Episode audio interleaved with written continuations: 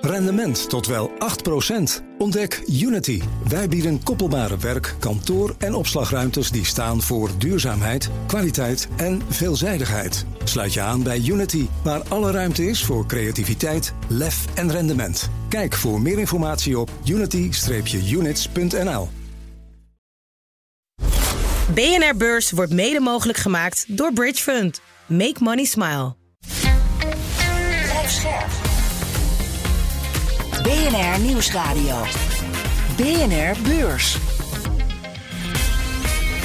Wesley Weerts, Jelle Maasbach. De vrijdageditie, de day after Koningsdag. We waren er een dagje uit, maar niet getreurd. We hebben niks gemist. Alle bedrijfscijfers van die dag die komen ook nu gewoon weer voorbij. Zeker, je hoort alle kwartaalcijfers van afgelopen weken en vooral wat je met die cijfers moet. En ook leggen we weer een luisteraarsvraag voor aan onze gast. En die gast is deze week Jean-Paul van Oudheusden van Markets Are Everywhere en analist bij eToro. We gaan zo naar de resultaten van big tech reuzen als Microsoft, Alphabet en Meta. Dan hoor je ook waarom topman Mark Zuckerberg in één dag 10 miljard dollar rijker werd. En ook bespreken we de cijfers van onder meer Unilever. Maar nu eerst uh, wat anders, namelijk een waarschuwing van het IMF. Dat maakt zich zorgen voor wanordelijke correcties op de woningmarkt. Nou, de huizenprijzen die dalen op dit moment hard en die dalingen kunnen nog erger worden, denken ze. Met grote gevolgen voor huishoudens en banken. Tegelijkertijd roept het IMF de Europese Centrale Bank op om tot 2024 door te gaan met de renteverhogingen. De inflatie moet verslagen worden en de renteverhogingen zijn het beste medicijn, al dus het eh, IMF. Jean-Paul, eerst die wanordelijke correcties op de woningmarkt, waar het IMF het eh, dus over heeft. Wat moet ik me daarbij voorstellen? Nou ja, wat het IMF dus zegt, uh, en ik denk dat ze daar wel gelijk in hebben. Ze zeggen, goh, die inflatie die is nog niet onder controle, die blijft hoog. Dus de centrale bank moet doorgaan met het verhogen van de rente. Nou ja, en uh, naarmate die rente hoger gaat, zal je zien dat mensen minder snel ja, nog een financiering afsluiten om een huis te kopen. En dan zouden die prijzen wel eens flink kunnen dalen na de grote stijging die we de afgelopen twee jaar hebben gezien. Ja, Jean-Paul, in uh, Denemarken en Zweden zijn vorig jaar de prijzen met zo'n 6% gedaald. Of enorm percentage. Denk je dat dit jaar ook zo'n percentage mogelijk is? Ja, ik ben geen expert op de huizenmarkt, dus dat moet je mij eigenlijk niet vragen. Maar ja, het idee dat natuurlijk de rente verder omhoog moet uh, als de inflatie langer hoog blijft, ja, dat is niet zo'n gek idee. Ik denk in Nederland bijvoorbeeld dat er toch heel veel mensen zijn die al een tijd geleden tegen een vaste rente hun hypotheek hebben afgesloten. Ja, daar hoef je je niet meteen zoveel zorgen te maken. Maar ja, een correctie op die markt uh, zou best wel kunnen. Of het nou uh, zo dramatisch wordt zoals het IMF zegt, dat weet ik niet. Maar nou, gaan ik, we zien. Ik las zelfs dat het IMF zegt, veel, uh, in veel Europese landen zijn die huizenprijzen nog 15 tot 20 procent te hoog. Nou ja, je had het net over 6 procent. Dan moet er dus echt nog flink wat af, willen we ja, tot reële prijzen komen. Ja, maar ze zijn natuurlijk de jaren daarvoor ook enorm gestegen. Wel veel meer dan die 15, 20 procent. Dus ja, zo'n correctie hoort erbij op het moment dat het economisch wat minder gaat. Ja, die hypotheken zijn verstrekt door banken. Moeten we ons zorgen gaan maken om banken die de hypotheken hebben verleend? Nou ja, ik zie dat zo'n vaart allemaal niet lopen. Kijk, je hoort nu steeds vaker de credit crunch. Dat banken waarschijnlijk ja. wat minder geld gaan uitlenen. Ja, dat hoort gewoon helemaal bij de conjunctuurcyclus. Ja, dat is op zich helemaal niet zo heel erg slecht. Dus het hoeft niet meteen te zijn dat er dan een bank gaat omvallen. Maar als het allemaal wat krapper wordt, ja, dan zal het moeilijker zijn om financiering te krijgen. Dan ga je dat waarschijnlijk ook op de huizenmarkt wel merken. Wanneer wordt het wel een probleem? Nou, op het moment uh, dat het uh, uh, onverwacht opeens heel erg slecht gaat.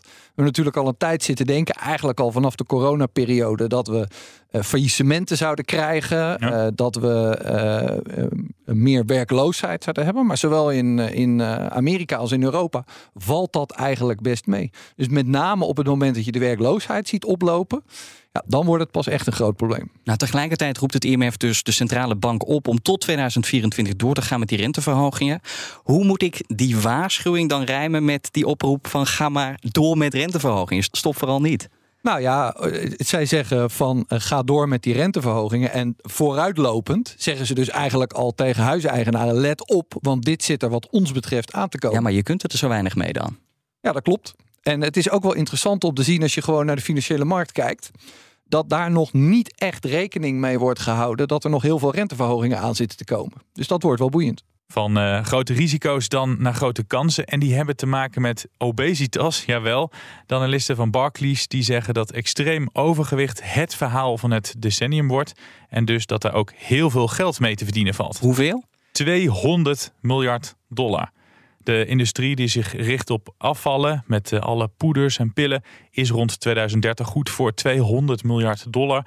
En daarmee komen ze even terug op een eerdere voorspelling. Toen dachten ze namelijk aan de helft van dat bedrag. Oh, dat is snel gegaan. Ja, dat is heel snel gegaan. Maar er wordt uh, meer en meer aandacht besteed aan gezondheid. En daardoor valt er meer te verdienen, zeggen die analisten. Treurig cijfer trouwens dat ik hierbij las. 1 miljard mensen zijn zwaarlijvig. Het grootste deel is volwassen. Maar 350 miljoen daarvan zijn kind of adolescent. Ja, Jean-Paul, eh, farmaceuten als uh, bijvoorbeeld een uh, Eli Lilly worden dan getipt als bedrijven die hier goed aan verdienen. Geloof jij dat er voor beleggers kans liggen op het gebied van die bestrijding van obesitas? Ja, bij die bedrijven zie je dat ook al een tijdje in de koers. Zo'n Eli Lilly ook. Dat is echt al een van de succesnummers van de afgelopen jaren. En dat is mede door de medicijnen tegen obesitas. Vandaag werd ook bekend dat de Europese economie bijna tot stilstand komt. Want de economie van de eurozone groeide in de eerste drie maanden met slechts 0,1 procent. De verschillen zijn groot. Duitse economie stagneerde, terwijl die in Italië en Spanje beide met een half procent groeiden. En wat ik ook nog zag, dat is iets anders. Cijfers van Sony, want het bedrijf had een recordomzet. En Sony verkocht drie keer zoveel PlayStation 5 spelcomputers als in het uh, eerste kwartaal van vorig jaar. En we vroegen aan onze tech-collega Joe van Buurik hoe dat kan. En volgens hem is het niet zo gek dat die apparaatjes zo goed verkopen. Mede omdat PlayStation al veel langer bestaat, is het het populairdere platform. En Sony heeft een hele supply chain opgebouwd. Bestaande uit de spelcomputers en de games waar ze heel erg op kapitaliseren. Bij Microsoft blijven ze een beetje achter de feiten aanlopen met Xbox. En juist daarom hebben ze die overname van Activision Blizzard nodig. om meer te kunnen profiteren van hun cloud- en softwaremacht. Over die overname van Activision Blizzard gaan we het zo hebben. En dan naar eh, de luisteraarsvraag. Bedankt weer voor het insturen. Deze week kregen we een vraag binnen van Guido. Het gaat over Mobruk. Mobruk. Dat is een Pools bedrijf dat in de betonproductie en de industriële afvalverwerking zit. Ken je het? Nee, ik had er nog nooit van gehoord. Nee, niet. nee. nee. uh, Guido ziet een bedrijf dat lage schulden heeft en hoge marges. Maar hij ziet ook risico's. Het is een bedrijf dat in Polen zit en daarom lastig te volgen is. En daarom heeft hij dus een vraag aan jou, Jean-Paul. Want hij is benieuwd wat jij van dit aandeel vindt. Ja, jij dacht, Jean-Paul komt langs, laten we er eens even een Pools aandeel uh, ja, markets are everywhere. ingooien. Ja, nou ja, ik, ik zat er Kijk, ik kan hem eigenlijk op twee manieren beantwoorden. Want uh, uh, ik werk dus ook deeltijd voor eToro. En die zijn vrij groot in uh, Polen. Dus ik heb nog even contact gezocht met mijn Poolse collega toen ik die naam doorkreeg. Maar ja, die hebben ook al een, uh, een week vakantie voor de boeg. Dus die kon ik niet meer te pakken krijgen. Dus ik moet het zelf doen. Ja, het is altijd wel interessant bij dit soort aandelen. Ik ken het natuurlijk ook niet. Als je dan een beetje gaat googlen, dat je al heel snel uh, informatie tegenkomt. En wat je dan ziet, is dat ze zitten in de afvalverwerking en in het beton. Dan denk je, nou, ja, een beetje in de categorie Heijmans en BAM. Hè? Nou, het, het, eerste bericht wat je zo ongeveer tegenkomt, is dat ze zeg maar hun eigen variant van de zeesluis hebben. Oh. Dus de, de, de revenues die vielen wat tegen. Uh, omdat ze ergens in een, product, uh, een project politiek waren vastgelopen. Kijk, op zich in de basis is het natuurlijk wel een goed verhaal. Want waste management, dat moet natuurlijk ook in Polen volgens de regels van Frans Timmermans. Dus als je daar heel goed in bent, dan kan je heel groeien. Maar het meest opvallende is eigenlijk dat vorig jaar is de oprichter en de CEO na 37 jaar eruit gestapt. Uh, die heeft nog steeds 35% van de aandelen. En de lock-up daarop, die is eind vorig jaar afgelopen. Dus ja, ik weet er verder niks van af. Maar dat is in ieder geval iets wat ik verder zou onderzoeken... voordat ik überhaupt zou uh, overwegen om erin te gaan beleggen. Ja, maar dat kan gevolgen hebben voor de, voor de beurskoers natuurlijk. Nou ja, dat kan wel een, een aardige druk op het aandeel leggen, ja. Maar wat hij zegt, een bedrijf dat in Polen zit... daardoor lastig te volgen. Kan jij uh, dat verhaal volgen? Nou ja, dat snap ik wel. En dat, daar ligt op zich ook wel een deel van de kans. Uh, want er zijn natuurlijk weinig internationale analisten die bovenop de Poolse markt zitten. Dus ja. je kan daar nog wel eens een keer wat tegenkomen, wat eigenlijk uh, onderbelicht is gebleven. En op het moment dat mensen op zoek gaan naar rendementen, denken van, hey, weet je, er hoeven maar een paar analisten te zijn die daar positief over zijn. En dat zou de koers omhoog kunnen helpen. Ik ben benieuwd of Guido uh... er wat mee kan. Ja. Ik hoop het wel. En ook voor anderen geldt, stuur je vragen naar bnrbeurs.bnr.nl. Je hoeft het onze gasten dus niet heel makkelijk te maken. Het mag ook een hele lastige vraag zijn over een bedrijf ver weg. En wie weet wordt jouw vraag op de vrijdag dan behandeld. En win je het mooie boekje van Corné van Zijl. Ook Unilever past het bekende trucje toe. Klanten meer laten betalen voor Calvé pindakaas en andere producten. Ja, daar profiteren beleggers nu nog van. Maar voor hoe lang nog dreigen klanten af te haken? Jean-Paul, ben je uitgeput na afgelopen week? Nou, niet uitgeput, maar het is wel eventjes uh, doorwerken om uh, een beetje op de hoogte te blijven van wat er elke dag gebeurt. Ja, ja een mooie weken. Ja, ja, voor mijn gevoel waren er afgelopen week nog meer cijfers dan de week daarvoor. Wat is jouw conclusie? Ga je met een goed of een slecht gevoel het weekend in? Nou ja, op, op korte termijn wel een, een goed gevoel. in die zin dat de cijfers toch over het algemeen allemaal weer beter waren dan dat werd gevreesd. Dus daar kan je niet omheen. Dat zie je eigenlijk bij heel veel headlines. Zag je toch dat ze ja, beter binnenkwamen dan wat analisten hadden verwacht. Ja op de wat langere termijn zie je toch wel heel veel mensen een stapje terug doen. Of mensen, bedrijven een stapje terug doen voor het tweede kwartaal en de kwartalen daarna. Ja, dan word je op de beurs toch wel wat voorzichtiger. Nou, laten we even beginnen met de Amerikaanse techgiganten. Mama, Microsoft, Amazon, Meta, Alphabet. Die hebben één ding gemeen. De terugval in advertentieinkomsten was minder erg dan gevreesd. Ook hier dus weer. Sterker nog, bij Meta werd er juist meer geadverteerd. En dat is goed nieuws, want de drie kwartalen ervoor liep de omzet terug. Jean-Paul, economisch gaat het minder en toch wordt er meer geadverteerd bij Meta. Hoe komt dat? Ja, bij Meta was wel interessant. Want wat zij zelf aangeven is dat er uh, heel veel Chinese producenten meer hadden geadverteerd bij hun. Dus niet ah. zozeer uh, de, de webwinkel om de hoek. Maar blijkbaar toch uh, dat ze daar denken van... hé, hey, weet je, als die Amerikaan toch nog steeds bereid is om heel veel geld uit te geven... dan verhoog ik mijn advertentiebudget een beetje. We hebben het heel vaak gehad over die recessieproef aandelen. Is dit er dan zo één? Dus in mindere tijden of aanstaande mindere tijden... die dan toch de omzet uh, op peil weten houden? Nou ja, dat, dat geldt een beetje voor de big tech bedrijven in het algemeen. He, dan zie je toch dat die uh, redelijk gediversifieerd zijn. Die hebben redelijk veel cash. Maar die, die hebben ook redelijk veel mogelijkheden om nog ergens zeg maar, het, uh, het operationele model te optimaliseren. Ja, we hebben toch wel wat dingen dat ze denken, nou, daar hadden we eigenlijk misschien al eerder afscheid van moeten nemen. Dat doen we nu ook. Mm -hmm. Doen ze allemaal wel heel zorgvuldig. En dan houden ze toch nog steeds een hele goede kernactiviteiten over. Nog niet zo heel lang geleden werd het aandeel eh, Meta genadeloos afgestraft. Maar de laatste maanden is het eh, beeld gedraaid. Stijgt het aandeel weer. Iets waar de volgende analist nogal lyrisch over is. I think this is going to go down as one of the biggest turnarounds of all time. When you just think about the sheer amount of market cap lost and then regained inside of a very small window, like less than 24 months, you would really be hard pressed to think of a lot of examples in the history of the stock market where a company this big fell that hard and then regained so much of it back so quickly.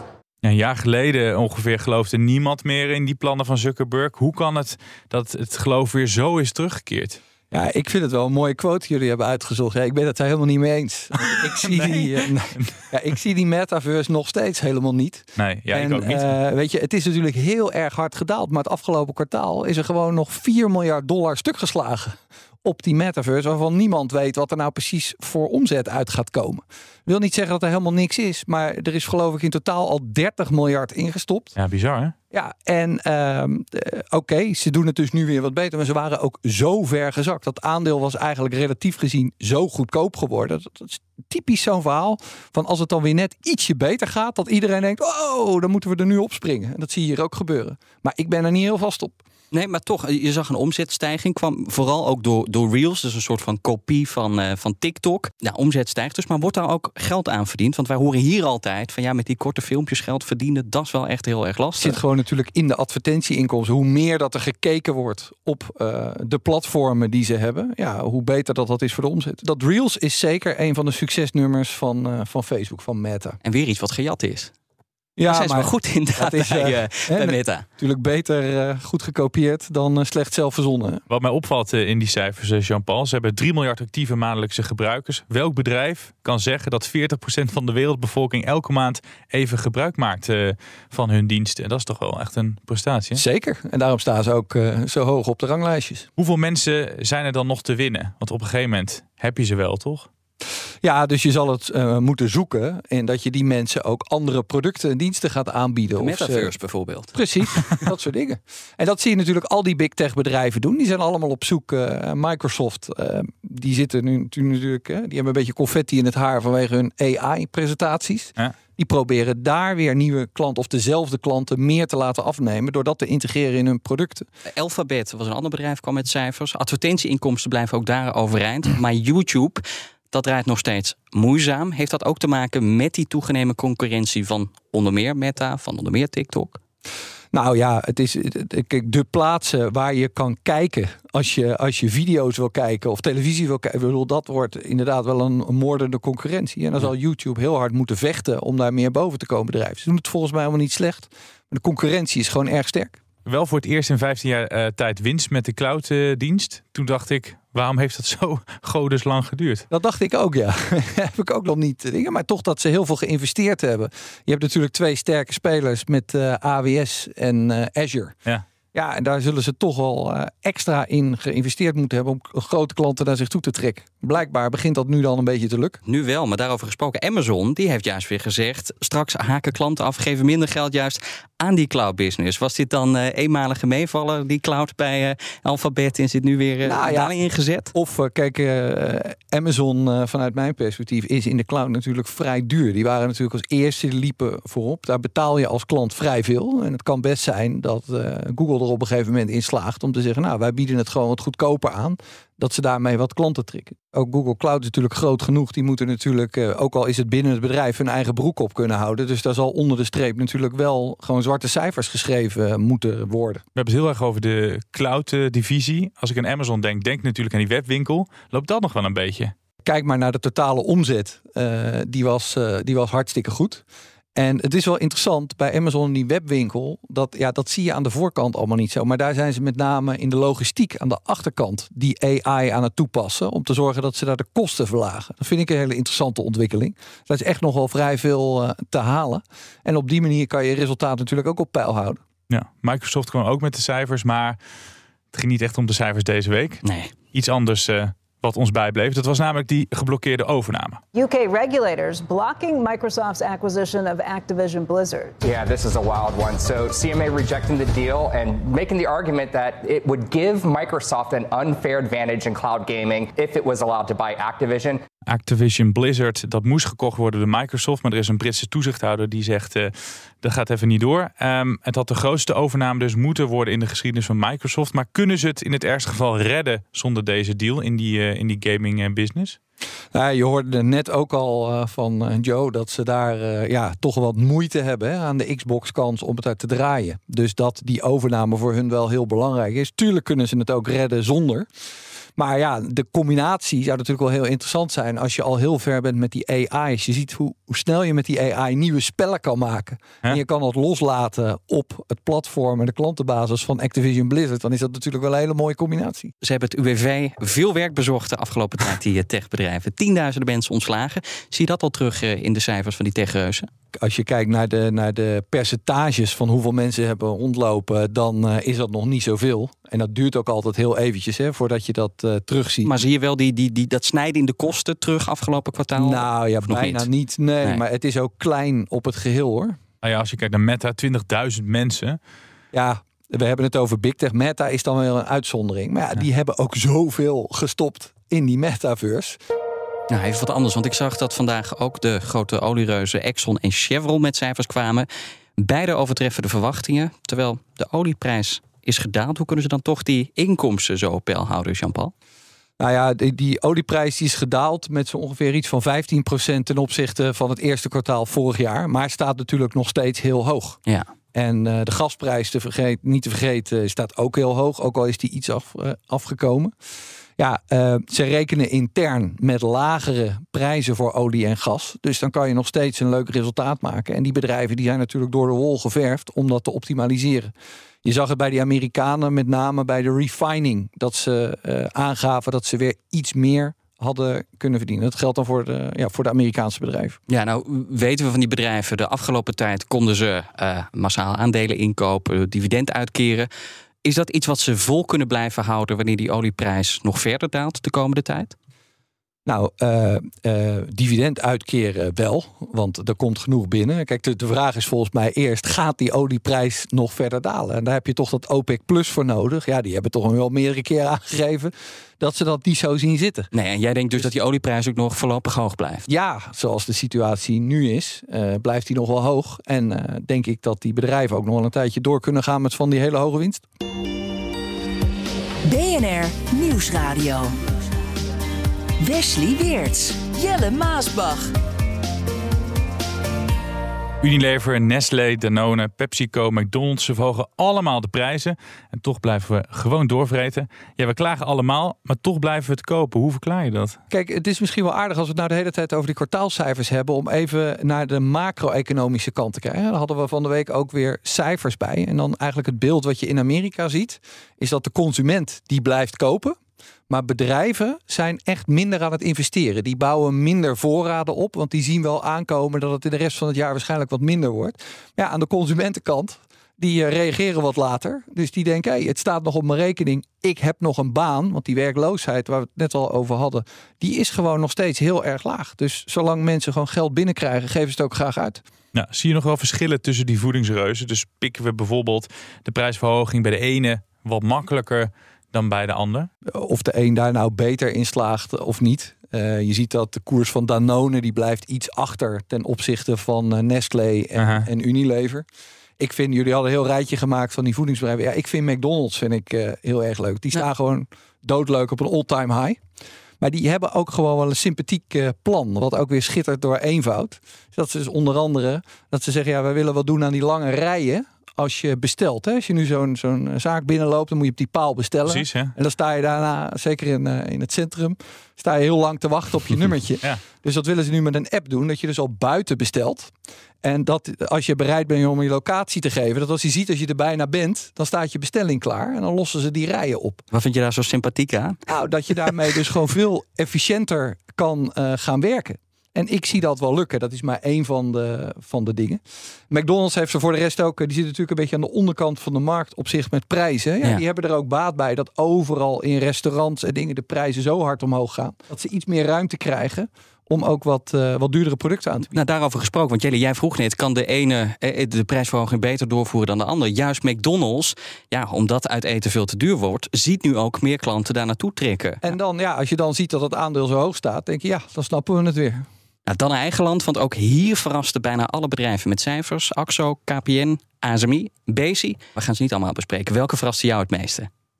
Nou, op de beurs in ieder geval. Ging nog niet eens om de cijfers. Maar was, was Bezi wel opvallend. Want dat uh, ging een beetje omhoog. En aan het einde van de dag stond er opeens plus 8 procent. Dus inmiddels wel weer wat vanaf. Maar dat kon je niet rijmen met de cijfers waar ze mee kwamen? Nee, nou, die cijfers die waren... Eh, Bezi uh, sprong daaruit dat ze zeiden... voor het tweede kwartaal verwachten we 15 tot 25 procent meer ten opzichte van het eerste kwartaal. Dat vinden beleggers natuurlijk fijn. Maar zo'n uh, sprong van 8% wil zeggen dat er toch wel iemand is die ze heel graag heel snel in grote getalen wilde hebben. Over chips gesproken, want je ziet wel dat ja, veel van die chipbedrijven, als het dan ging om de outlook, dat die toch wel tegenviel. Volgens mij kan ik dat wel uh, concluderen. Wat ik me afvroeg, want dit gaat voornamelijk dan vaak over het lopende tweede kwartaal, misschien ook nog het derde kwartaal. Wanneer zie jij die chipmarkt weer wat uh, herstellen? Is dat einde dit jaar? Ik hoop het. Dat is in ieder geval wat, wat iedereen aangeeft. Ja. Dus ja, wie ben ik weer om dat tegen te spreken? Maar het, het, het is er wel op gebaseerd van, nou, we moeten dus even nu de voorraden opverkopen. En als dat gebeurd is, dan, uh, uh, ja, neemt, uh, gaat alles weer Hosanna.